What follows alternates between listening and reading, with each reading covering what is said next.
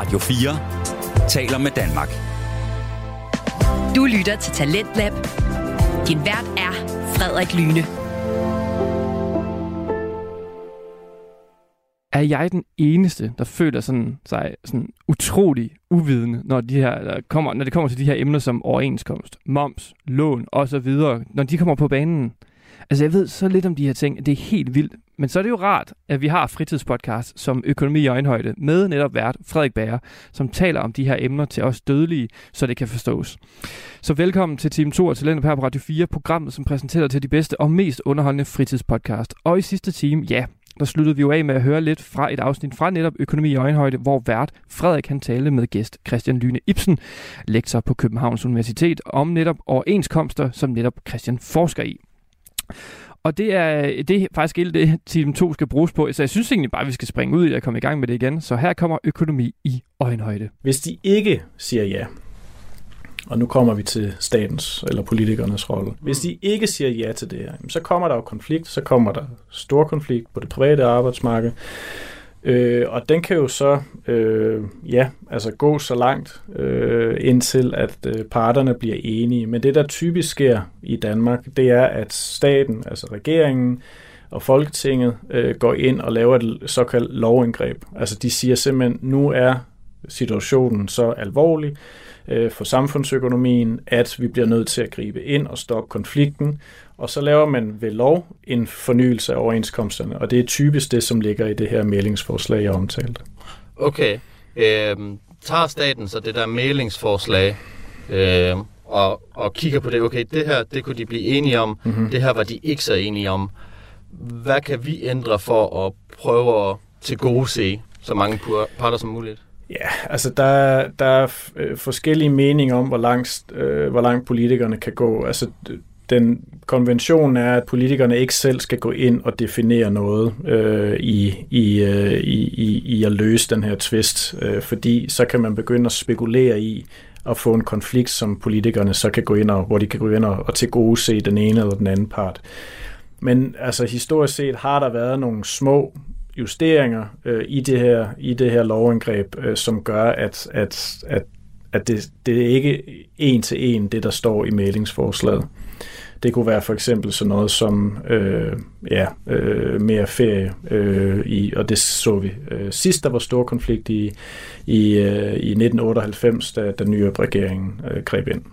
Okay. På det offentlige er det lidt anderledes, fordi der kan du have mere partielle konflikter.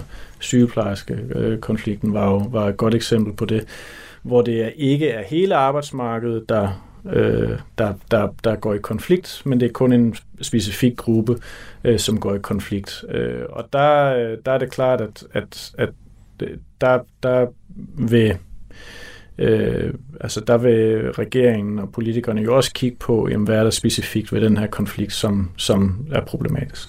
Okay.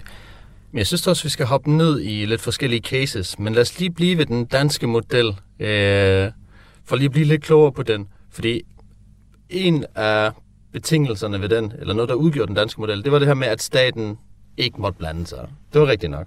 Hvad er der ligesom ellers i den danske model, der gør, at, at den er god at bruge? Mm-hmm.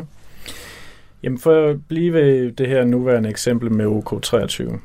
Øhm, et, af, et af, hvad skal man sige, e, et af kong, øh, kongstankerne øh, i den danske model er jo, at parterne rent faktisk godt kan blive enige og, og, og, og indgå nogle aftaler, som er øh, som bliver respekteret, som bliver overholdt ude på arbejdsmarkedet. Altså det er ikke det, man på engelsk kalder dead letters, altså øh, ting, som øh, ser fint ud på skrift, men overhovedet ikke har nogen relevans ude i, i den virkelige verden. De her aftaler bliver rent faktisk øh, implementeret og overholdt øh, ude på, på arbejdspladserne. Hvis vi kigger bare øh, øh, lidt nord mod Norge, jamen så har der været konflikt den her gang. Øh, og det har der jo været, fordi at vi har øh, kommet i en høj inflationstid, øh, og øh, derfor er lønkravene også bare blevet desto højere, fordi at, at lønmodtagerne og fagforeningerne gerne vil forsvare reallønnen, altså hvad man rent faktisk kan gå ud og købe for, for sine lønkroner. Det har ført til konflikt øh, i Norge. Øh, der har også været konflikt i Tyskland. Der har også været konflikt i Sverige hvad vil det så sige? Jamen det vil sige, at de lande, som vi normalt sammenligner os med, som er, ligger meget tæt på os, både i, i sådan institutionelt, men også i politisk øh, kultur og, og fagforeningsstyrke osv., jamen de er ikke formået at, at blive enige øh, på den samme måde, som, som man gjorde i Danmark. Øhm, det er jo sådan en af de der sådan anekdotiske beviser for, at, at der er en høj øh, forlis øh, evne og, og villighed i, i Danmark, det man også kalder konsensusbaseret øh, politik. Øh, og, og det er noget af det, som den danske model også har været kendetegnende ved, i hvert fald siden ja, øh, slut 80'erne, start 90'erne. Okay, men er der mere, man tager med? Altså lad os sige, at øh, man er i Italien. Mm-hmm. Vi vil gerne implementere den danske model. Mm-hmm. Øh, og så snakker de om, okay, jamen, hvad betyder det? Jamen det betyder, at vi skal blive enige om tingene, mm-hmm. øh, fordi staten skal helst ikke blande sig. Mm-hmm. Men er der andet, man ligesom tager med ved at bruge den model? Jamen altså, det er jo klart, at, at øh, der er jo nogle arbejdsdelinger, øh, som du også selv er inde på, i forhold til, hvad, hvad gør staten, og hvad gør, og hvad gør arbejdsmarkedets parter.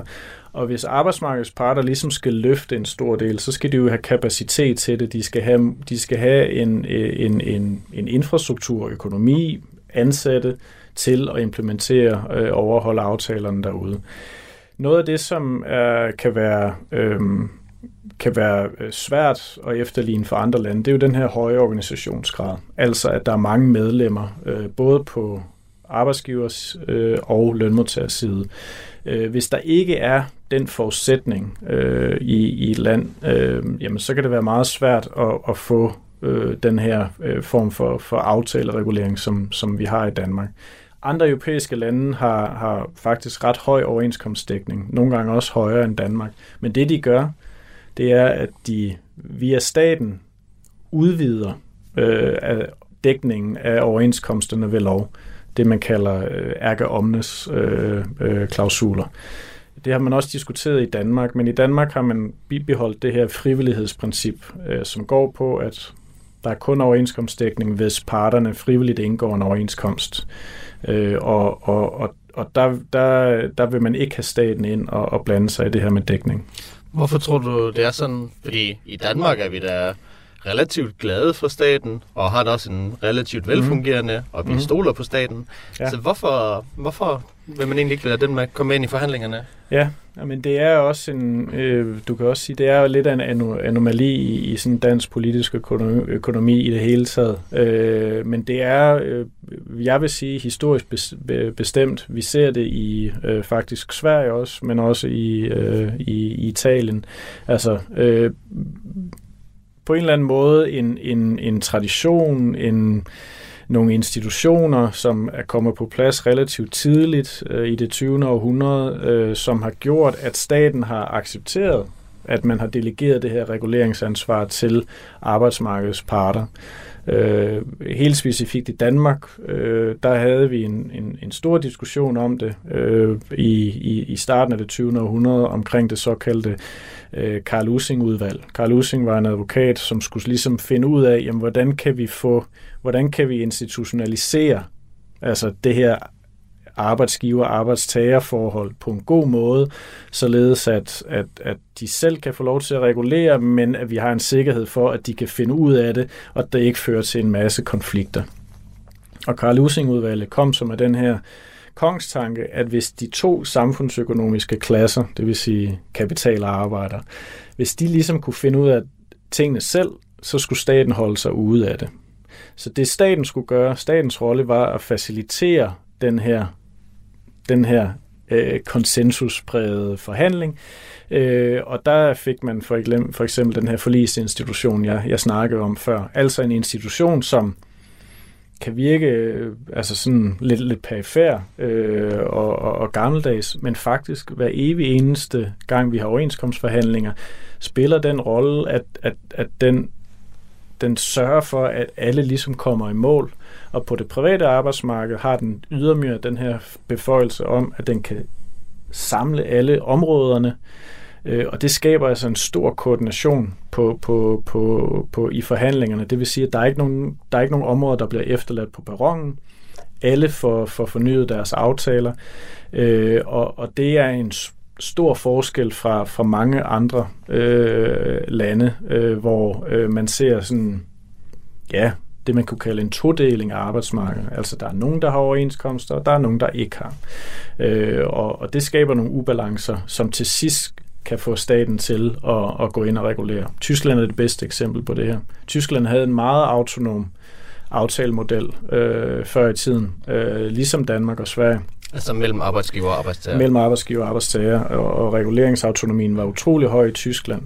Men det, der skete, det var, at, den, at overenskomstdækningen øh, faldt øh, drastisk, øh, særligt i, i servicebranchen efter altså genforeningen. overenskomstdækning, hvor mange folk, der er med i... Hvor, mange, hvor, mange, hvor stor en andel af arbejdsstyrken eller af, af virksomhederne, der er, der er dækket af en kollektiv overenskomst. Ja. Så det skabte det, det, den, altså sådan en dualisering har man også kaldt det, hvor, hvor der var rigtig gode løn- og arbejdsvilkår i industrien, og måske også lidt i, i byggeriet øh, og den offentlige sektor, men hvor servicebranchen, øh, sag, særlig detailhandel, øh, hotel og restauration og rengøring osv., øh, de så en, en, en erodering af, af løn- og arbejdsvilkår, øh, og, og, og det skabte jo en masse ulighed. Og til sidst så, så indrømmede parterne sådan set også, jamen vi kan ikke bibeholde den her reguleringsautonomi. Vi har ikke, vi har ikke øh, overenskomstdækningen øh, der, tilstrækkeligt til at, at, at kunne bibeholde den her autonomi. Nu må staten gå ind og lægge et, en bund for, for lønningerne via en lovbestemt minimumsløn. Okay, det er, giver anledning til mange interessante tanker, synes jeg. Hvis vi lige bliver ved eksemplet her, altså, jeg tænker først og fremmest, øh, dem, der har været uden overenskomsterne, og derfor øh, har fået eroderet lønnen, altså de får en dårligere løn, mm-hmm. de må da have en vis interesse i at sige, hey, vi kan se dem med overenskomst, de bliver behandlet mm-hmm. meget bedre, det vil jeg også ind mm-hmm. i. Så hvad holder dem tilbage fra at komme med i en overenskomst? Jamen, der er mange faktorer. Øh, noget af det, der kendetegner, øh, hvis vi bliver det tyske eksempel, noget af det, der kendetegner øh, de, de områder, som ikke var dækket, før de så fik den her lovbestemte minimumsløn, det er jo, det var, det, det var øh, meget ufaglært arbejde. Det var arbejde, hvor man øh, gik ind og ud af, af, af stillinger ret, øh, ret meget. Der var høj jobomsætning, øh, og fagforeningerne var øh, i, i i meget ringe udstrækning øh, til stede på de arbejdspladser, det handlede om. Øh, vi kender det faktisk også lidt i Danmark, øh, hvor, hvor godt nok er overenskomstdækningen stadigvæk høj, øh, men altså, hvis vi kigger på delbrancher, øh, hotel og restauration, der er overenskomstdækningen også ret lav efterhånden. Ikke? Så det er jo sådan et af de spørgsmål, som, som vi i forskningen kigger meget på, jamen er, vi, er Danmark blevet sådan en Tyskland light, øh, kalder vi det, ikke? Hvor, hvor, hvor, hvor der er nogle områder på det private arbejdsmarked, hvor vi ser de samme tendenser, som vi så i Tyskland. Og det er jo lidt, det er problematisk, fordi jamen, på et eller andet tidspunkt kunne det tænkes, at staten så vil sige, eller politikerne vil sige, vi kan ikke leve med, at, at der er så dårlige løn- og arbejdsvilkår for, for nogle grupper. Fagforeningerne kan ikke løfte dem. An, de ansatte kan ikke organisere sig selv, øh, så nu må vi gå ind og, og regulere via lov. Okay. Du lytter til Talentlab på Radio 4. Vi er i gang med anden time Talenter her på Radio 4, og vi er lige nu i gang med at høre fritidspodcasten Økonomi i øjenhøjde med vært Frederik Bager, som taler med Christian Lyne Ibsen, som er lektor på Københavns Universitet, hvor han forsker i overenskomster, hvilket sjovt nok også er emnet i aftenens afsnit. Og vi skal nu høre om Frederiks egne oplevelser med overenskomster, både i det offentlige og det private, hvor der ikke er en overenskomst. Lad os vende tilbage til podcasten. Her kommer økonomi i øjenhøjde. Jeg synes, det er et lidt sjovt uh, eksempel uh, at bringe på banen. Uh, nu har jeg selv arbejdet som uh, tjener en del mm. år, og har også en arbejdsplads nu, hvor jeg er et par gange om måneden. Uh, jeg er også på Nationalmuseet mm. et par mhm. gange om måneden. Uh, så jeg har den offentlige, og jeg har den private del. Øh, og som tjener, der er jo ikke dækket overenskomst. Øh, det ved jeg ikke, om jeg er ved Nationalmuseet, men der er der i hvert fald blevet forhandlet nogle mm. gode rammer. Alligevel så er det ved tjenerjobbet, jeg har de bedste vilkår. Altså, mm. lønnen er meget højere, mm. øh, fordelene er meget højere, og, øh, og der tænker jeg på sådan noget ligesom øh, pension og hvad der bliver optjent der. Og det, jeg synes jo så bare, det er sjovt, at du bringer det her eksempel, fordi det står jo i modsætning til min egen oplevelse af mm. det. hvor der har det private marked uden overenskomst egentlig øh, det tilbyder en bedre Mm-hmm. Ja, arbejdsvilkår. Ja. Hvordan kan det være? Jamen det er jo øh, altså netop det her med, at når det ikke er standardiseret via en kollektiv overenskomst, så er der jo netop mulighed for at differentiere øh, og differentiere i forhold til, hvad virksomheden, hvordan den klarer sig, men også øh, hvilken øh, arbejdskraftssituation de er i. Nu kender jeg jo ikke den konkrete virksomhed, men jeg går ud fra, at det går fint for den. Øh, Ja. Jeg går også ud fra, at du er en, øh, en dygtig ansat. Ja. Ja. øh, så de to ting hænger jo sådan set sammen. Øh, så det er jo ikke fordi, jeg sidder og siger, at det er fuldstændig umuligt at få gode arbejdsvilkår, øh, når man står på, på egne øh, fødder.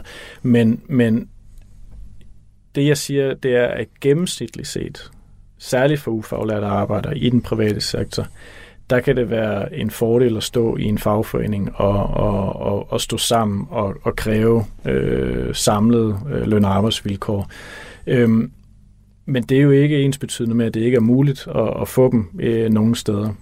Jeg vil sige generelt for den branche, øh, det vi sådan hører, men også, øh, der er også nogle studier af det, det er jo, at, at ofte vil løn være, kunne være god. Timeløn kan være rigtig god, øh, særligt hvis drikkepenge øh, kommer ind. Det er jo så ikke så stort i, i Danmark, men i andre lande. Øh, der kan timeløn være rigtig god. Der, hvor det kan være problematisk, det er sådan noget med øh, pension. Nu sagde du, du havde pension på din, på din arbejdsplads. Mm. Ja, øh, så det er lidt en anomali, vil jeg sige, øh, øh, når, når vi snakker om det uddækkede øh, arbejdsmarked. Men alligevel, det er jo, det er jo, det er jo godt. Øh, men så kan det jo være sådan noget med arbejdstids øh, tilrettelæggelse, som kan være lidt vilkårlig. Øh, der kan, det kan være, der ikke rigtig er sat rammer for det. Øh, men det kan også være noget med, med altså, øh, hyring og fyring, altså at der kan, der kan, det kan være lidt mere vilkårligt. Ikke? Men det er klart, at det, det, er jo ikke arbejds, det er jo ikke alle arbejdsgiver, som er ude på at, at presse citronen øh, fuldstændig vildt, og, men, men, men, men det er bare en gennemsnitsbetragtning om, at, at i de her også særlige fag, hvor man, hvor, hvor der er, øh, hvor, hvor man hurtigt kan komme ind og ud, hvis du forstår, hvad jeg mener. Der er Ja. ikke nogen uddannelsesbarriere, øh, kan man sige, som der for eksempel vil være, hvis du skulle arbejde øh, som altså i apotek eller sådan noget der. Ja. Øh, så så, så der, der, der, der, der er det jo klart, at der har arbejdsgiverne noget mere at vælge fra. Ikke? Nemlig. Øh, og også at mange har deres første job der, Mhm. mm-hmm. så også lidt ind og ud, som du siger. Ja. Det er der noget, der foregår meget. Mhm. Okay. Når man så har den her mulighed, okay, jeg kan forhandle selv, men jeg har også i en overenskomst. Altså er det tilladt, så at sige, at, at man svinger mellem det? Altså fordi, okay, den ene dag så arbejder jeg her på et museum, mm-hmm. der vil jeg gerne følge overenskomsten, fordi de har forhandlet nogle rigtig gode rammer. Mhm. Når jeg er det andet sted her, så vil jeg faktisk gerne ud af overenskomsten. Lad os sige, det er et andet museum. Mhm. Øhm, bare lige for at blive i samme arbejdsmiljø. Mhm. Øhm, men der har de ikke kunne forhandle til en god nok øhm, ja, nogle vilkår. Så der vil jeg hellere stå selv. Mhm. Mm-hmm. Altså, kan man det? Kan man bare gå ind og ud af, hvordan man står med overenskomster? Altså, som, som jeg nævnte, så er der nogle forskellige lønsystemer i de her overenskomster. Nogle overenskomster har det, vi kalder normal løn. Altså, det er meget centraliseret. Du får det, der står i overenskomsten. Der er der, der er der i princippet ikke særlig stor mulighed for at gøre det, som du siger, altså individuelt tillæg. Det kan måske godt lade sig gøre. Øh, men på, på det, vi kalder mindstebetalings- og minimallønsområdet, og det, vi kalder uden lønsats, øhm, der er det jo muligt at få øh, en individuel forhandling øh, eller en lokal forhandling om løn, øh, som så at sige ligger ud over det, der står i overenskomsten. Det mindstebetalingsområde er karakteriseret ved, at der står en, en, en timeløn, som du minimum skal have, men typisk ligger du, ligger du over det. Og så er der dem uden lønsats, det er typisk for funktionærområdet, øh, området. jamen de har, de har sådan set ikke nogen lønsats. Så der er lønnen givet fri, øh, og der kan du selv gå ud og forhandle, hvad du, hvad du, øh, hvad du er så at sige er værd. Okay. Okay. Ikke helt nemt. Øh, Nej. Fordi, altså jeg tænker på den måde, så kan en overenskomst vel godt være lidt en hindring, hvis den netop sådan ikke gør det bedre, end man selv gør. Men gennemsnitligt, en fordel, fordi man sådan i flok kan Ja. løfte niveauet. Jo, men altså, det, det, vi, har jo, vi har jo eksempler fra, fra altså, hvor, hvor overenskomsten danner ikke en bund, men et loft på løn. Uh, mit yndlingseksempel, det er amerikansk sport. Sport? Ja. Øh, fordi at der har du de her ligaer, øh, hvor øh, lukkede ligaer, hvor du sådan set øh, øh, Øh, hockey er et godt eksempel, øh, hvor hvor øh, de er absolut de bedste i verden, øh, der kommer derover. Og det er stjerner, der kommer derover, og de vil i princippet kunne altså få nogle fantastiske kontrakter. Mm, og der har arbejdsgiverne sagt, jamen vi skal have en øh, vi skal have et loft på lønningerne, fordi ellers så øh, altså driver altså driver vi lønning, lønningerne så højt op, at vi faktisk øh, ikke altså kollektivt set kan, kan holde til det. Og, og der, der, der, der, har man, der fungerer de her overenskomster nærmest som et loft. Så kan stjernerne så gå ud og få individuelle øh, sponsorships og alt muligt andet og tjene deres, øh, deres penge på, på den vis. Men der er det jo et loft, og det er jo det der, altså når, når lønmodtagere bliver stjerner, øh, at, at arbejdsgiverne virkelig har en interesse i at, at lægge loft på. Sammenlign det med europæisk fodbold. Ingen kollektive overenskomster på det, i hvert fald ikke øh, på europæisk plan, som, som ligesom kunne se, lægge loft på det. Lønningerne er eksploderet i de fleste ligaer, og den eneste måde, det kan være finansielt holdbart, det er jo øh, øh, ved, at der er nogle ejere, som ligesom har et stort nok pengepunkt til at, at lægge, lægge penge ud, hvis, hvis, øh, hvis forretningen ellers ikke øh, kører rigtigt. Og det, så det, nu har vi så haft hele det her med financial fair play og sådan noget der. Men hvis man havde haft en overenskomst øh, på europæisk plan øh, til at regulere loftet på lønningerne, jamen så ville man ligesom øh, på en eller anden måde have taget lønnen lidt ud af konkurrence øh, øh, på, på, mellem de europæiske klubber. Okay. Giver meget god mening. Ved det amerikanske eksempel, altså ser man så ikke bare, at okay, jamen alle, der bliver ansat eller lukket over til USA, får de så ikke bare maksimum løn alle sammen? Det ved jeg faktisk ikke. De får, gode, sagt, de, de, får, de får gode lønninger, det, det er helt sikkert. Øh, men, men, men pointen, øh, altså pointen er jo, øh, jo, det er selvfølgelig at standardisere lønnen, men, men, men, men det er også det der med, at, at, at du ikke, altså, at, at du ikke udkonkurrerer øh, dig selv og, og, og dine konkurrenter på løn. Altså at man, man, får sat en, man får sat et loft på de her lønudgifter øh, via overenskomsten. Okay, så det kan faktisk på en måde gå begge veje. Altså det kan skabe en bund, og det kan skabe et loft, Præcis. hvor der vil jeg mere sige, øh, bunden, det er så for arbejdstageren, så de har sikret en, nogle minimum gode vilkår, Mhm. mm-hmm. mens loftet, det faktisk er mere for branchen som helhed, at man sørger for, at den ikke øh, ja, får for meget gas, og der derfor er nogle organisationer, der ikke kan følge med, Ja. ja. og så bliver de nødt til at ja, komme ud af spillet. Ja, ja. Altså en anden, en anden sammenligning mellem Danmark og USA, øh, hvis du kigger på højt uddannet arbejdskraft i, i, øh, i de to lande, så er der det, man, man, man kalder the skills premium, altså uddannelsespræmien. Øh, og, og den kan man jo regne ud, altså hvor meget giver det ekstra i løn at uddanne sig et år ekstra øh, på universitetet for eksempel. Og der er den utrolig høj i, i USA, fordi du ikke du har en markedsbestemt øh, øh, ja, øh, lønfastsættelse.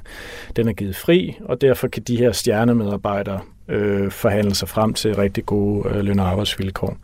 Øh, I Danmark, selvom vi har de her uden lønsatser, så er det som om, at, at, at, at den danske lønfastsættelse alligevel bliver sådan lidt mere komprimeret. Dels via, at man løfter minimumslønningerne via overenskomsterne, men også for eksempel via øh, overenskomsterne i for eksempel staten og, og kommuner og regioner for øh, akademikere og arbejdere.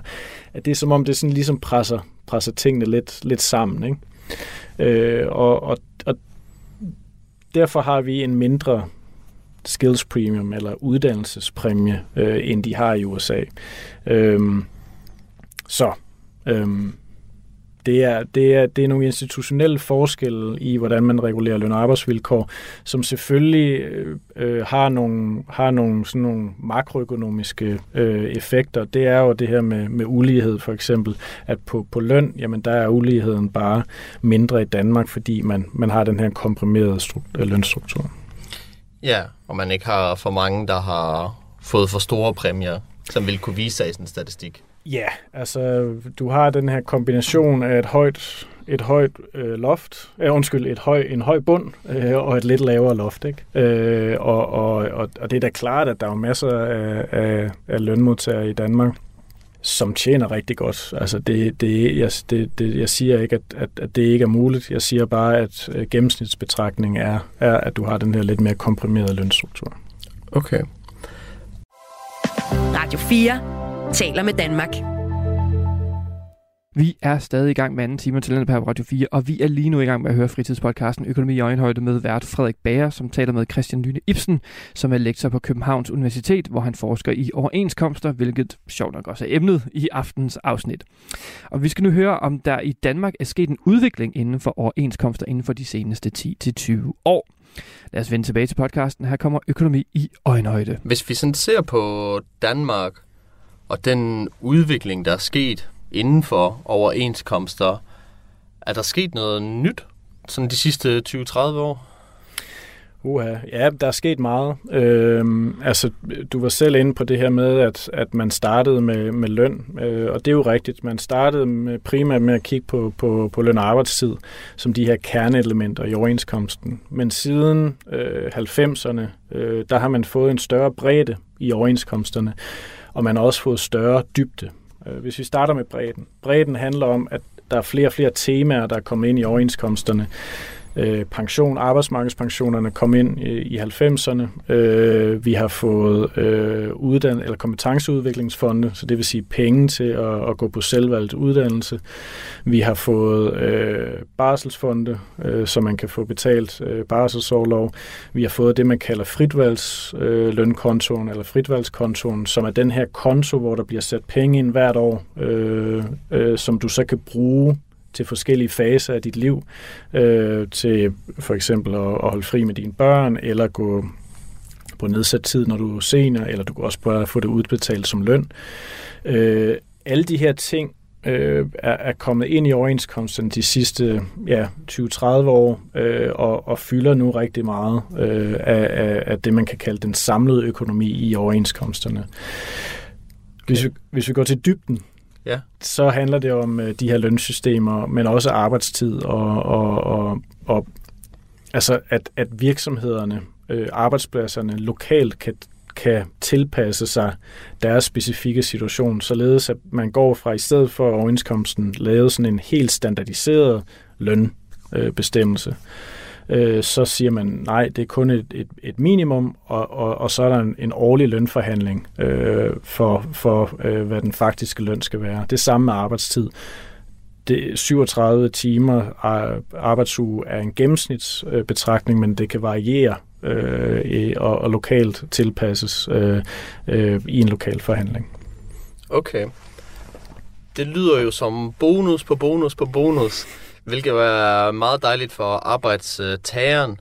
Mm-hmm. Men er det ren øh, ulempe for arbejdsgiveren? Fordi det lyder som, okay, jeg skal ja. betale din ferie, jeg skal mm-hmm. betale din barsel, du er her mindre, altså du producerer mindre, og så videre, og du skal have mere i løn end mm-hmm. der også. Altså, er det bare ærgerligt for arbejdsgiveren, at overenskomsterne er blevet så stærke?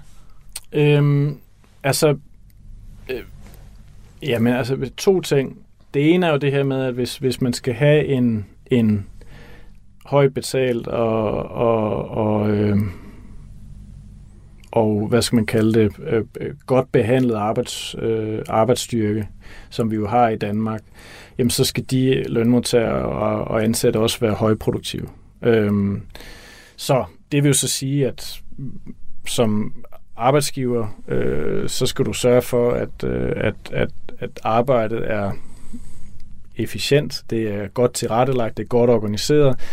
Man skal investere i, i, i teknologi og maskiner, øh, hvis det, øh, som gør, at, at, at medarbejderne er højproduktive. og der må man jo bare sige, at, at der har jo lang tid været den her diskussion om, nå, jamen hvis vi havde for meget lighed, eller hvis vi betaler arbejdskraften for meget, så ville det være dårligt for virksomhederne. Men det er man jo sådan set, altså erfaringerne øh, øh, fra 90'erne og 0'erne og frem efter har jo sådan set vist, at det er muligt at, at, at, at aflønne og behandle sine medarbejdere godt og stadigvæk være, være konkurrencedygtig og, og, og profitabelt. Altså dansk økonomi klarer det rigtig godt. Noget af det handler jo også om, at, at, øh, at, at de her øh, udgifter øh, eller omkost, arbejdskraftsomkostninger øh, jo ikke er de eneste omkostninger, en virksomhed har. Og, og for i særlig industrien har det jo meget handlet om, at man, at man sådan set har gjort den her arbejdskraftsomkostning til en mindre og mindre del ved at investere i, i maskiner og teknologi. Altså man, man, øh, man, man er i mindre øh, grad afhængig af det, man kan kalde arbejdskraftsintensiv produktion. Øh, det bedste eksempel var, var tekstilindustrien, som er meget arbejdskraftsintensiv. Den, den, den flyttede ud, altså den flyttede til andre lande øh, i 90'erne. Øh, det, det, var, øh, det var, altså, så vidt jeg ved, var det, var det simpelthen ikke rentabelt at beholde produktionen i Danmark. Så det flyttede man ud til, til andre lande, øh, og, og så havde man de mere højproduktive øh, jobs her, som man så også kan aflønne bedre. Men, men altså, et andet forhold er jo så også det her med, øh, som jeg sagde, at, at, øh, at, at danske virksomheder og arbejdspladser øh, jo også har den her, det her loft. Ikke? Øh, så så, så øh, det er jo ikke bare sådan, at vi er super dyre og, og, og, og, og, og en øh, hemsko for, for arbejdspladser og, og virksomheder i Danmark øh, på, på ingen måde. Øh, så det kan godt køre rundt. Ja, nej, jeg tænker bare det der med, lad os sige, man har været arbejdsgiver i tidligere tider, mm-hmm. og hvor overenskomster ikke har været så stor en ting, at så må man da blive irriteret som direktør, eller hej nu, mm-hmm. stiller de sig sammen og laver fælles krav, ja. øh, hvor jeg indtil nu har kunne tage dem en af gangen. Mm-hmm. Øhm. Ja, men lige, lige netop det der, altså der er jo der, der er også noget, der taler for, øh, at, at, at det faktisk kan være en fordel for virksomheder ikke at skulle køre alle de der individuelle forhandlinger. Øh, altså at man ved, ved at have en overenskomst, ved at have den her, det her, hele det her system til at håndtere konflikter og implementering af aftaler, jamen der, der fritager du også virksomhederne og lederne for en masse arbejde, altså en masse transaktionsomkostninger. Hver evig eneste gang, du skal lave en individuel forhandling, der skal du sidde og bruge tid på det. Du skal forhandle. Det kan være, at du ikke rammer rigtigt øh, som, som virksomhedsleder eller, eller manager. Øh, og så er det sådan set også en omkostning, en, en transaktionsomkostning, som, som, øh, som kan være dyr for virksomheden. Måske lidt mere skjult, men alligevel en, en dyr ting. Og der må man bare sige, at, at øh, alle de omkostninger, altså hvis vi nu tager over til USA, jamen alle de omkostninger, det er jo sådan set læsset over på virksomhederne øh, i fraværet af kollektive overenskomster. Så, så altså, der vil være nogle trade-offs ved den ene eller den anden model for virksomhederne. Øh, der er også noget stiafhængighed, forstået på den måde, at når man nu er inde i den her måde at gøre tingene på, så er man vant til det. Man har ligesom indrettet sin virksomhed efter det. Så hvis man skulle til at gøre noget helt andet, øh, så vil det også øh, give en masse over transaktionsomkostningerne for virksomhederne, som, som vil gøre det øh, dyrere, i hvert fald på kort til mellem lang sigt, øh, for, for virksomhederne at drive virksomheder. Okay. Jamen, apropos og lige ryste øh, mm-hmm. eller i hvert fald øh, gøre noget lidt usædvanligt. Vi har jo det her med, at øh, store bededag, det skal afskaffes. Og det har fagforeninger jo været ret irriteret over. Hvorfor det? Altså, hvad er det, den her afskaffelse af store bededag gør? Ved, mm. Det må jo så være den danske model, der er under angreb. Jamen, altså, man kan vel se det på to måder. Øh, det ene er sådan et, et mat- materielt synspunkt, øh, og, og det andet er sådan mere et, et principielt synspunkt. Det materielle synspunkt er jo, at der er blevet taget en fridag uden, uden sådan behørig øh, kompensation. Altså, at, at det, det, det vil være noget, man i overenskomstmæssig forstand, hvis nu arbejdsgiverne ville tage en fridag, så skulle så skulle øh, lønmodtagerne blive betalt af det, kompenseret på en eller anden måde i en forhandling. Her har det jo så været sådan, at, øh, at, at regeringen har sagt, at vi tager den der øh, fridag væk, øh, og, og selvfølgelig får man løn, øh, når man arbejder, men, men, øh, men, i, men der skulle ikke være nogen anden, anden form for kompensation øh, end, end det. Øh, øh, mere altså helt specifikt, så der jo, har, har der tidligere været mulighed for at arbejde på store bededag, men så fik man nogle ekstra tillæg ud over den normale løn. Det, er jo, det får man jo så heller ikke. Så det er sådan nogle materielle ting. Det mere principielle, det er jo det der med, at, øh, at den danske model, som vi snakker om, baserer sig på den her reguleringsautonomi, altså det er parterne selv, der regulerer løn og arbejdsvilkår via overenskomsterne, og regeringen holder sig ude af det. Og der må man bare sige, at, at, at særligt fagbevægelsen, men egentlig også øh, arbejdsgiverforeningerne, øh, Øh, synes jo, at det her øh, med stor bededag var et, et, et indgreb i den autonomi. Øh, altså det kan godt være, at arbejdsgiverne synes, det var fint at få en ekstra fridag, men de kan også godt se, at, at hvis man ligesom åbner op for, at politikerne fra tid til anden, når de får gode idéer, kan gå ind og, og, og lave sådan nogle ting der via lovgivning, jamen så vil det på sigt øh, underminere den her reguleringsautonomi. Okay. Så lige for at lege øh, advokat for øh, regeringen, Mm-hmm. fordi øh, som jeg lige har opfattet det her fra vores samtale, altså det er jo når parterne, arbejdsgiver, arbejdstager, øh, ikke kan komme frem til eller når de forhandler, Mm-hmm. så skal staten ikke blande sig, øh, Mhm. medmindre det jo så bliver Mhm. helt nødvendigt. Øhm, og nøglehovedet er her så, når de forhandler. Mm-hmm. Med det her afskaffelse af store bededag, altså der har jo ikke været nogen forhandling. Det er jo bare staten, der laver Mhm. et politisk move. Så på den måde kan man vel godt sige, at de egentlig ikke piller ved den danske model. De laver bare politik. Fordi Mhm. de, de har jo ikke noget med fagforeningerne eller arbejderne øh, fælles øh, aftaler at gøre. Men de tager bare over en bred kamp. Bum, Mhm. sådan er det for hele Danmark. Mm-hmm. Så det er vel ikke et angreb på den danske model som sådan? Øhm, jamen det kan du altså godt sige. Altså det, det er klart at, at øh, altså intet over Folketinget, ikke? Så, så det er klart at, at, at, at lovgiver kan jo til hver tid. Altså de, i princippet kunne de afskaffe øh, overenskomsterne i morgen ved lov. Ikke? Altså det, det er jo en mulighed de har. Øh, men når man nu anerkender den danske model, øh, som regeringen også gør, øh, så er det klart, at når man fjerner en fridag, via Stor Bededags afskaffelsen, jamen så, så vil, der, vil, det gå ind og, og, og, og, og vedrøre det, der står i overenskomsterne. Øh, altså overenskomsterne har sådan set defineret, øh, hvornår man har fri, og, og hvad man skal have, hvis man skal arbejde, når man er fri, osv. Øh, så, så, så på den måde, og det har regeringen jo sådan set også indrømmet, øh, beskæftigelsesministeren har jo sagt, jamen det er Altså, det vedrører den danske model, det her. Det er, øh, det, den her lov er jo i, i princippet går ind på overenskomsternes domæne, og det som parterne øh, regulerer selv. Så altså,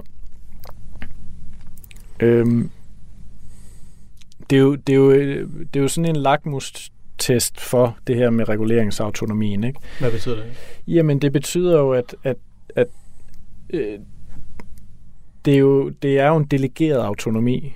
Altså, det er en delegeret autonomi, fordi at øh, fordi grundloven øh, er, som den er, og nu tænker jeg på rigets grundlov, ikke arbejdsmarkedets grundlov. Altså, rigets grundlov er jo således, at det er, at det er Folketinget, der, der laver vores lov, øh, og de kan i princippet beslutte, øh, øh, hvad de har lyst til inden for grundlovens rammer. Øh, og, og, og ja, altså, der, det, og det parterne, altså, de, de kan jo ikke, altså, de kan, altså, de kan ikke gå op til, til højesteret og sige, at øh, det her må I altså ikke. Øh, det, det er jo det, det er politik, det her, hvor at, at øh, den her delegerede autonomi øh, er blevet afprøvet af en regering. Der kan så være nogle politiske konsekvenser ved det øh, ved næste folketingsvalg. Øh, Øh, og det tror jeg øh, særligt et af partierne i regeringen er meget øh, opmærksom på. Øh, fordi at det kan, det kan være, at, at der er en meget høj politisk pris, altså hvor øh, fagbevægelsen øh, ja, mobiliserer så stærkt imod, øh, imod regeringen, at, at, at de kan miste magten. Ikke? Okay. Men så man kan egentlig godt sige, at de gør ikke noget, der er ulovligt, eller et brud mod øh, med, med de rettigheder, de egentlig har som politikere.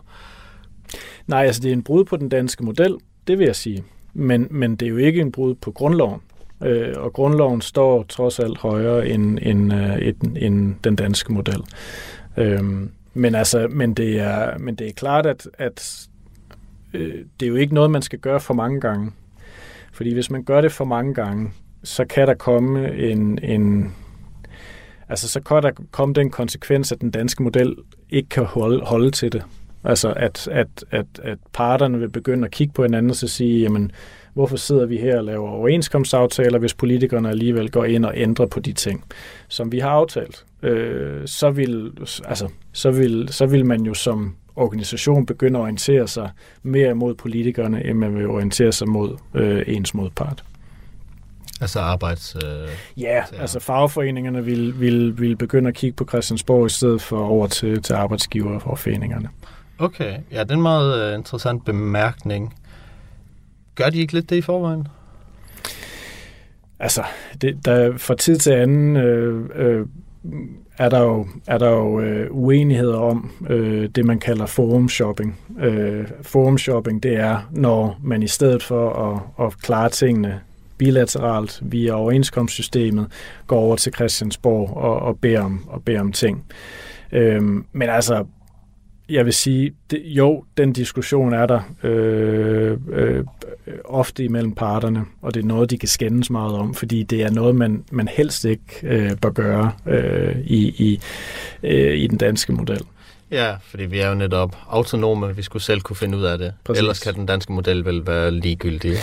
Ja, men det er jo, det er jo en, altså det er jo en balancegang, ikke? fordi det er jo klart, at, at at det har jo aldrig været sådan, at det politiske system var irrelevant for, for overenskomstsystemet. Der er masser af, af overlap på reguleringer og, og balancer, øh, der skal afstemmes. Så det er jo en forhandlet model, hvor, hvor, hvor, øh, hvor, hvor øh, det politiske system bliver inddraget. Altså for at give et godt eksempel, øh, var man tilbage i, i 2006-2007 i gang med, med, med øh, øh, altså globalisering, og hvad kan vi gøre for at, at, at, at sikre Danmark øh, og danske arbejdspladser. Og der var forregeringen ude at sige, jamen, vi kan faktisk øh, lægge en masse penge til efter videreuddannelse, øh, men I skal selv øh, lave, nogle, lave nogle løsninger, således at, at, at I også selv lægger noget i, i, i, øh, i, øh, i systemet, i jeres systemer, øh, til at, og, og efter videreuddanne folk, ikke? Og, og nu snakker vi om tekstilindustrien, det var jo øh, sådan et, et en, en, en øh, outsourcing øh, skræk, øh, der var i Danmark med, at, at nu ryger alle jobsene til udlandet. Øhm, og, og, og vi, skal, vi, vi bliver nødt til at have noget efter videreuddannelse.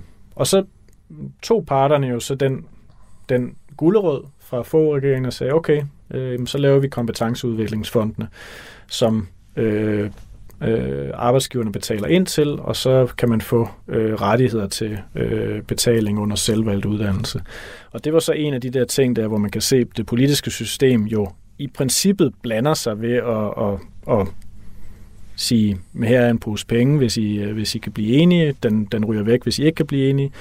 Øh, det er jo sådan lidt mere et positivt incitament til at forhandle, kan man sige. Men det var stadigvæk en indblanding, men det var noget, hvor, hvor parterne så gik ud og forhandlede noget på plads. Ja, var der også ramaskrig over, at de blandede sig der? Fordi det er også min umiddelbare tanke, at netop, okay, nej, blander sig, det burde ja, være... Nej, men, men der var, her var det jo snak om pose penge. Det var, ikke, det var ikke noget med at gå ind og ændre ting, der, der stod i, i overenskomsten. Så det var lidt mere en positiv tilskyndelse til at, at, at forhandle noget på plads. Men, men altså, det er, jo, det er jo klart, at regeringer, skiftende regeringer igennem tiderne har jo... Øh, altså, delvis truet, men også givet positive incitamenter til, at parterne kunne tage noget op og finde ud af det. Øh, øh, og, og, og den balancegang vil der jo hele tiden være. Det, det der er lidt anderledes med Stor Bededag, øh, er jo nok, at der ikke var den der... Altså, regeringen kunne jo godt have sagt, nu skal I ud og finde noget mere arbejds... Øh, vi skal have noget mere arbejdskraft, vi skal have højere arbejdsudbud, end vi har nu. Hvis I ikke bliver enige om noget nu, som virkelig batter, så går vi hen og tager stor bededag. Ikke? Øh, det gjorde de ikke. Øhm, øh, så, så den der manglende forhandling, der kunne have været nogle tre, trepartsdrøftelser eller et eller andet, som, som måske kunne have ført til det samme resultat, det er også det, som lidt gør ondt på parterne, tror jeg. Ja, må ikke. Okay. Lad os slutte af med, øhm, hvis du sådan ser fremtiden for overenskomster, og lad os bare snakke sådan mellem 20 til 50 år. Mm-hmm. Altså, hvad, hvilken udvikling kunne du forestille dig, der sker? Jamen, jeg tror, en af de, de, de største udfordringer, noget som de selvfølgelig øh, bliver nødt til at tage, tage, tage hånd om, øh, det er den teknologiske udvikling. Altså øh, digitalisering, øh, AI, algoritmisk ledelse, alle de her ting, som, som øh, vi selvfølgelig ikke rigtig ved hvad, helt præcis, hvad konsekvenserne vil blive. Vi, vi tror bare, at, at der vil dels komme til at blive en, en altså, der vil være nogle jobtyper, som simpelthen forsvinder, øh, og, og så vil der være nogle øh, så vil der være nogle, nogle ledelsesmetoder, øh, som også vil ændre sig. Og sætte nogle rammer via overenskomsterne for det, øh, tror jeg bliver, tror jeg bliver øh, rigtig vigtigt. Øhm, og det vil, altså, den store udfordring er jo så også, at nogle af de virksomheder, som baserer sig på den nye teknologi, ikke, øh, ikke nødvendigvis har en overenskomstrelation lige nu. Øh, så det vil være noget med at gå ud og overenskomstdække øh, den type virksomheder. Spørgsmålet er også, hvor mange medarbejdere, der overhovedet vil være i, de, i de, den type virksomheder. Ikke? Og så ligger der jo det der med efter videreuddannelse, altså at sørge for, at, at øh, de mennesker, som bliver berørt af teknologisk forandring, at de også kan komme, altså simpelthen kan skifte spor øh, over i noget helt andet. Øh, så det vil sige ikke bare et, et kort kursus på øh, en uge, men, men måske noget, noget mere længerevarende. Okay.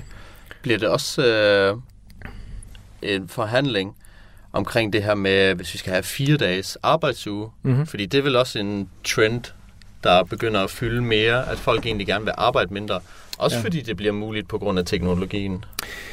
Ja, altså hele arbejdskraftsudbudsdiskussionen herunder øh, fire dage, så arbejdsugen bliver også et kæmpe issue. Øhm, altså det her lidt, altså hvad skal man sige, det er lidt paradoxale i, at vi på den ene side har teknologisk forandring, som måske kan erstatte mennesker, og derfor løse det der arbejdskraftsudbud øh, øh, øh, på sin vis, men så på det andet også, at at, at virksomhederne skriger på arbejdskraft i øjeblikket, og så til sidst, at du har nogle lønmodtagere, som egentlig måske helst bare vil arbejde lidt mindre, eller arbejde, øh, øh, så de kan skrue op og ned.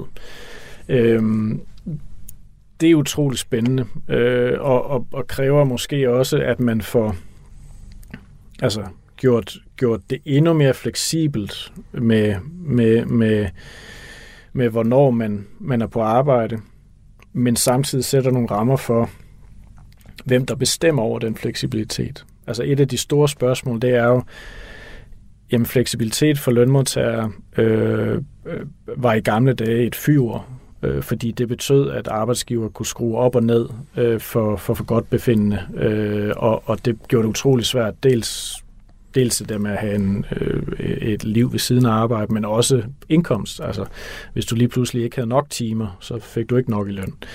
Så det der med kontrollen over fleksibiliteten, øh, og få rammesat fleksibiliteten, det er noget, overenskomsterne i forvejen har gjort, men det kan blive endnu mere præsent, hvis man for eksempel vil indføre fire dages arbejdsuge eller, eller noget andet. Øhm, grøn omstilling, det er en anden megatrend, som også bliver, bliver utrolig spændende at, at følge. så måske mest i, i uddannelsessystemet, øh, fordi man skal have grønne kompetencer, og man skal have flere faglærte osv. Men der kan også blive en udfordring for, for, for overenskomsterne, altså finde ud af, hvordan samarbejder vi i virksomheder og på arbejdspladser omkring grøn omstilling. Okay, altså så man er ligesom er enige om, okay, vi gør det alle sammen grønt, så det ikke er halvdelen, der gør det grønt, og så dem, der gør det sort, de har en fordel. Øh, ja, det kunne, det, det kunne selvfølgelig være en af, en af problematikkerne. Øh, men jeg tror lige så meget, det handler om at, at, at sørge for, at, at, at man laver nogle systemer for øh, samarbejde ude lokalt, således at den grønne omstilling øh, ikke fører til for mange konflikter, ikke kører, fører til for mange, der bliver tabt bag en vogn, eller simpelthen bare, at man sørger for, at, at der er et, et, et vidensniveau øh, og en, en, implementeringsmodel for grøn omstilling, øh, som, som, som både tager arbejdstager og arbejdsgiver med på råd. Okay, spændende. Det lyder som om, øh, der nok skal være rigeligt at forhandle om. Vi må håbe, øh, det bliver nogle gode øh, beslutninger, der kommer frem til. Du skal have tusind tak for at ville deltage og gøre os lidt klogere på emnet. Ja, det var så lidt.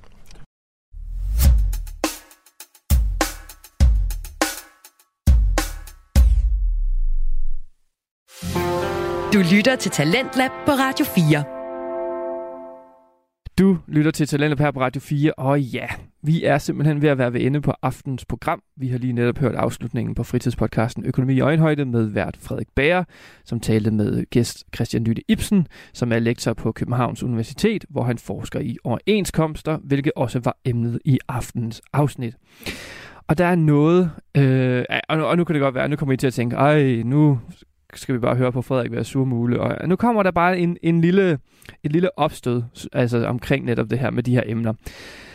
Der er, der, er, der er sådan noget, jeg ikke forstår. Hvordan kan det være, at vi ikke lærer om de her ting, som for eksempel overenskomster, som Frederik han talte om her i, i hans podcast. Men ikke bare overenskomster. Jeg tænker på alt inden for økonomi og lignende. Altså lån, gæld, moms, gebyr, skat, forskudsopgørelse, hvordan kører man et hus, og så videre, og så videre.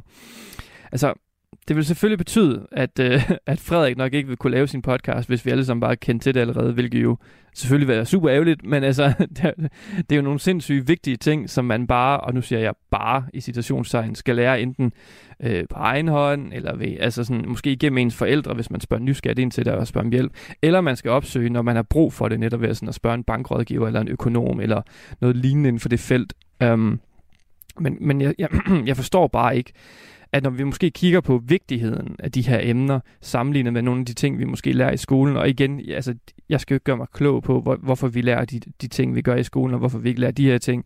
Det, det er der sikkert en vanvittig god øh, grund til bag, men, øh, men, men ud fra mit perspektiv, øh, så forstår jeg simpelthen ikke, fordi jeg, jeg synes jo, at de her ting, som, øh, som jeg lige ramsede op her inden for økonomi, at de virker til at være meget mere vigtige ude i den virkelige verden, end for eksempel oldtidskundskab, øh, hvad, hvad kan altså sådan religion måske, altså øh, hvordan man analyserer en tekst, altså sådan, altså og man kan sige, jo, der er nogle af de ting, de er selvfølgelig vigtige, hvis, især hvis du skal beskæftige dig med dem inden for, eller, eller øh, sådan vil specialisere sig inden for sådan et felt, ja, så forstår jeg det selvfølgelig super godt, men jeg, jeg synes bare, der er noget generelt over den her, øh, den her øh, altså en generel viden over den her med økonomi. Altså, vi skal jo alle sammen bruge de her ting, og det er jo ikke alle, der skal lære, hvordan man, hvordan man nedbryder en, øh, en dansk øh, tekst, øh, hvordan man, øh, altså sådan, øh, ja, det ved jeg ikke, hvordan man bøjer et eller andet latinsk udtryk og bla bla bla bla. Altså, men jeg, jeg tænker bare, jeg kan simpelthen bare ikke forstå, hvordan vi kan, vi kan flette det ind på en eller anden måde. Fordi altså, det kan det ikke passe, og når jeg skal ud og tage et lån, så er jeg først nødt til at lære, hvad, hvad, hvad fanden det overhovedet egentlig er. Altså, sådan, det burde jeg da vide på forhånd. Altså, jeg burde være godt forberedt på, at, øh, hvordan man tager et lån. For jeg kan da huske, at jeg skulle tage et lån, jeg ringer op til min bankrådgiver, og jeg er bare sådan totalt uvidende omkring, jeg bare spørger, altså, hvordan, hvordan gør man? Altså, hvad, hvad skal jeg? Altså, er, er, du den rigtige, jeg skal tale med, eller burde jeg have åbnet den her samtale på en helt anden måde og sagt, giv mig et lån, eller skulle jeg have præsenteret min, øh, det ved jeg ikke, øh, min, min, min, min øh, opsparing, eller hvad fanden vil du gerne vide? Altså sådan, hjælp mig. Øhm, jeg fandt ud af alle mulige mange ting, sådan noget med, at det er gratis at tage et lån, indtil du er en vis alder, og så koster det penge. Og jeg var sådan, hvordan kan det koste penge, når jeg har brug for at få penge? Og øh, ja, altså, I kan godt høre, at, øh, og det kan godt være, det er bare mig. Altså, det kan godt være, at I sidder derude og bare tænker, åh, Frederik, det er det, der nemt. Du skal bare gå ind på øh, www.et eller andet, øh, eller lytte til Frederiks podcast. Øh, men altså, jeg mener bare, at jeg synes bare, det er sådan noget, det er så, det er så vanvittigt vigtige ting, som, som, som, som på en eller anden måde forbinder alt, altså som fra hus til job, til, til løn, til, til udgifter, og jeg skal komme efter jer. Altså, øhm, der burde bare være sådan en form for et, et kursus, eller et eller andet, bare lige sådan en lynkursus måske bare på i folkeskolen, eller gymnasierne, eller et eller andet, altså hvor man bare lige sådan bliver sat ind i tingene, altså, og det kan også være igen, det er, I, I har taget en, en anden uddannelse, hvor det er, som jeg tog, altså bare en helt normal gymnasiel uddannelse, og nu står jeg her og som øh, næsten 30 år, og ikke ved en pind om de her emner. Men nu lover jeg, det var det. Fordi jeg skal lige til at sige her også, ud over økonomi og øjenhøjde, så hørte vi også fra samtalepodcasten Den Stolte Far med Magnus Hvid og Niklas Ritter. Du kan finde flere afsnit fra begge fritidspodcasts ind på din foretrukne podcasttjeneste, og alle Radio 4's programmer kan du finde ind på vores hjemmeside og i vores app. Nu er det tid til nattevagten her på kanalen. Mit navn er Frederik Lyne. Tak for denne gang. Vi høres ved. Du har lyttet til en podcast fra Radio 4. Flere episoder i vores app, eller der, hvor du lytter til podcast. Radio 4 taler med Danmark.